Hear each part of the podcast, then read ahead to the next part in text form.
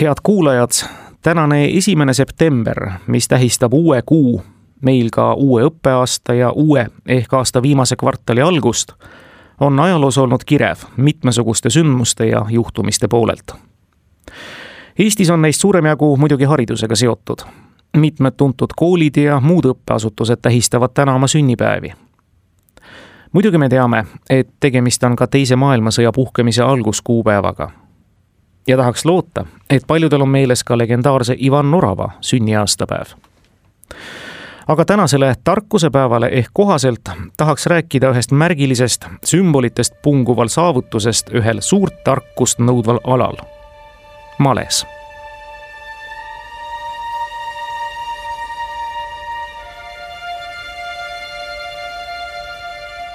täna, nelikümmend üheksa aastat tagasi krooniti Islandi pealinnas Reykjavikis üheteistkümnendaks meeste male maailmameistriks Ameerika Ühendriikide maletaja Bobby Fischer.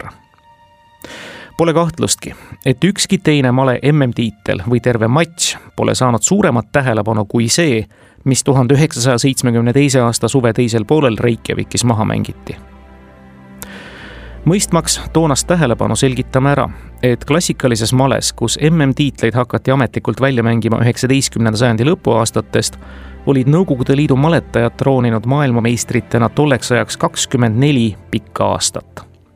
ja kui lisame, et ka viimane mitte Nõukogude maletaja Aleksandr Aljochin oli ju ka tegelikult venelane, siis olid selle riigi nuputõstjad olnud absoluutseimas tipus kolmkümmend viis aastat malest oli ammugi saanud Nõukogude Liidule ideoloogiline relv ja mõjutusvahend. Selle abil näidati maailmale oma tarkust, võimu ja üleolekut. male oli ka siseriiklikult üks tõhus mõjutus ja töövahend jõustruktuuridele, kui meenutame kas või Paul Kerese kurba saatust. male oli Nõukogude Liidus väga populaarne ja tippu anti seal jõuda vähestel. rõhk sõnale anti sest konkurents oli meeletu ja piitsa ei plaksutanud mitte ainult treenerid, vaid nagu mainitud, ka struktuurid, kellele maine males tähendas kohati elust enamat. ja muu maailm, ütleme siis lääs, nautis ka malet märksa vabamates tingimustes, mis ehk ei soosinud nii palju tippude esiletõusu, kui just ürgandekas ei oldud. aga seda tuhande üheksasaja neljakümne kolmandal aastal New Yorgis sündinud juudi päritolu Bobby Fischer kahtlemata oli imelaps, kes juba kolmeteistkümneaastaselt jõudis mängida juba toona sajandi partiiks nimetatud mängu. Neljateistkümneselt krooniti aegade noorimana USA maalemeistriks. aasta hiljem samuti aegade noorimana pälvis suurmeistritiitli ja kahekümneselt võitis järjekordset USA meistritiitlit, saavutas fenomenaalse üksteist võitu üheteistkümnest matšist ja kes väga selgelt oma sümpaatse sihvaka hoiakuga, hoopis teise maneeri ja kauni riietusega eristus vaevatud olemise ja hallide nägudega sovettidest maletuusadest. Saades seeläbi eduka lääne sümboliks selles ütlemata polariseerunud maailmas, kus selgelt ja vaenulikultki eristusid teineteisest ida ja lääs, kommunism ja kapitalism, sõltuvalt nüüd rakursist. ja seda kõigest malelaua taga nuppe tõstes, soovides ainult keskenduda sellele aga seda võimalust Bobile ei antud. Külma sõja haripunktis tõusta venelaste alal maailma tippu oli lääne avalikkusele, poliitikutele, meediast rääkimata liiga hea suutäis, et lasta noormehel ainult mängida juba lapseeast niigi raske iseloomuga Bobby Fischer elas seda avalikkuse survet väga raskelt üle ja ka enese sisse. nii raskelt, et juba MM-matšini jõudmine Reykjavikis Boriss Baski vastu kulges üle kivide ja kändude turniiride ja korraldustingimuste suhtes väga valiv Bobby tegi siiski kaasa terve MM-kandidaatide turniiri, pühkides ulmeliste skooridega kuus-null teelt nii nõukogudlase Mark Taimanovi kui taanlase Bent Larseni. kandidaatide turniiri finaalis sai sisuliselt tipponi ka eksmaailmameister Tigran Petrosjan skooriga kaks pool kuus ja Bobby Fischeri teekond Spassky vastu oli valla aga sõiduvees olles hakkas ameeriklane taas pirtsutama korraldajatele nõudmisi esitama küll mängukoha, valgustuse ja publiku suhtes, kuni selleni välja, millisel malelaual milliste nuppude komplektidega mängitakse. korraldajad, islandlased ja malemaailma katuseorganisatsioon FIDE tulid enam-vähem kõiges ameeriklasele vastu. aga ikka jättis ta vastuse õhku, kas ta ikka lõpuks ilmub Reykjaviki mängima või mitte. ta tuli, hilinemisega ja kaotas kohe esimese partii oma suurele vastasele. kaotas ka teise tehniliselt, sest ei soovi nad saalis näha kaameraid ja kui kuulis, et need seal ometi seisavad, keeldus mängimast ja malekell tiksus Fischerile saalitäie publiku ees täis lihtsalt kaotuse.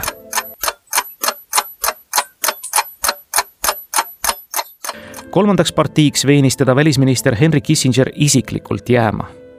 ja ta jäi kogu selle matši dramaatika ilu ja võlu on nii kenasti kirja pannud USA autor Frank Brady, kelle biograafiline raamat Lõppmäng ilmus kolme aasta eest Tõnis Värniku tõlkena ka eesti keeles.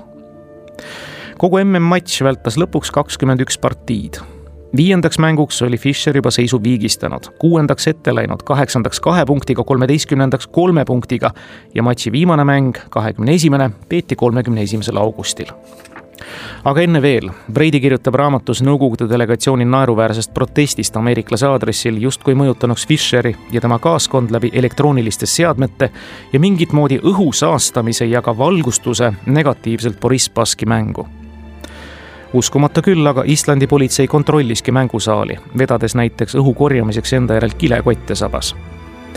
Neid naeruväärseid episoode oli veelgi, aga sõiduhos Fischerit see enam ei mõjutanud viimaseks jäänud partii mängis ta mustadega lõppmängu hiilgavalt ja järgmisel päeval pärast matši katkestamist neljakümnendal käigul valitsev maailmameister Boris Spassky alistus edasi mänguta, andes sellest teada telefoni teel. Robert Fischerist oli saanud maailmameister. In the name of FIDE, the International Chess Federation, I proclaim Mr Robert Fischer as a chess champion of the world.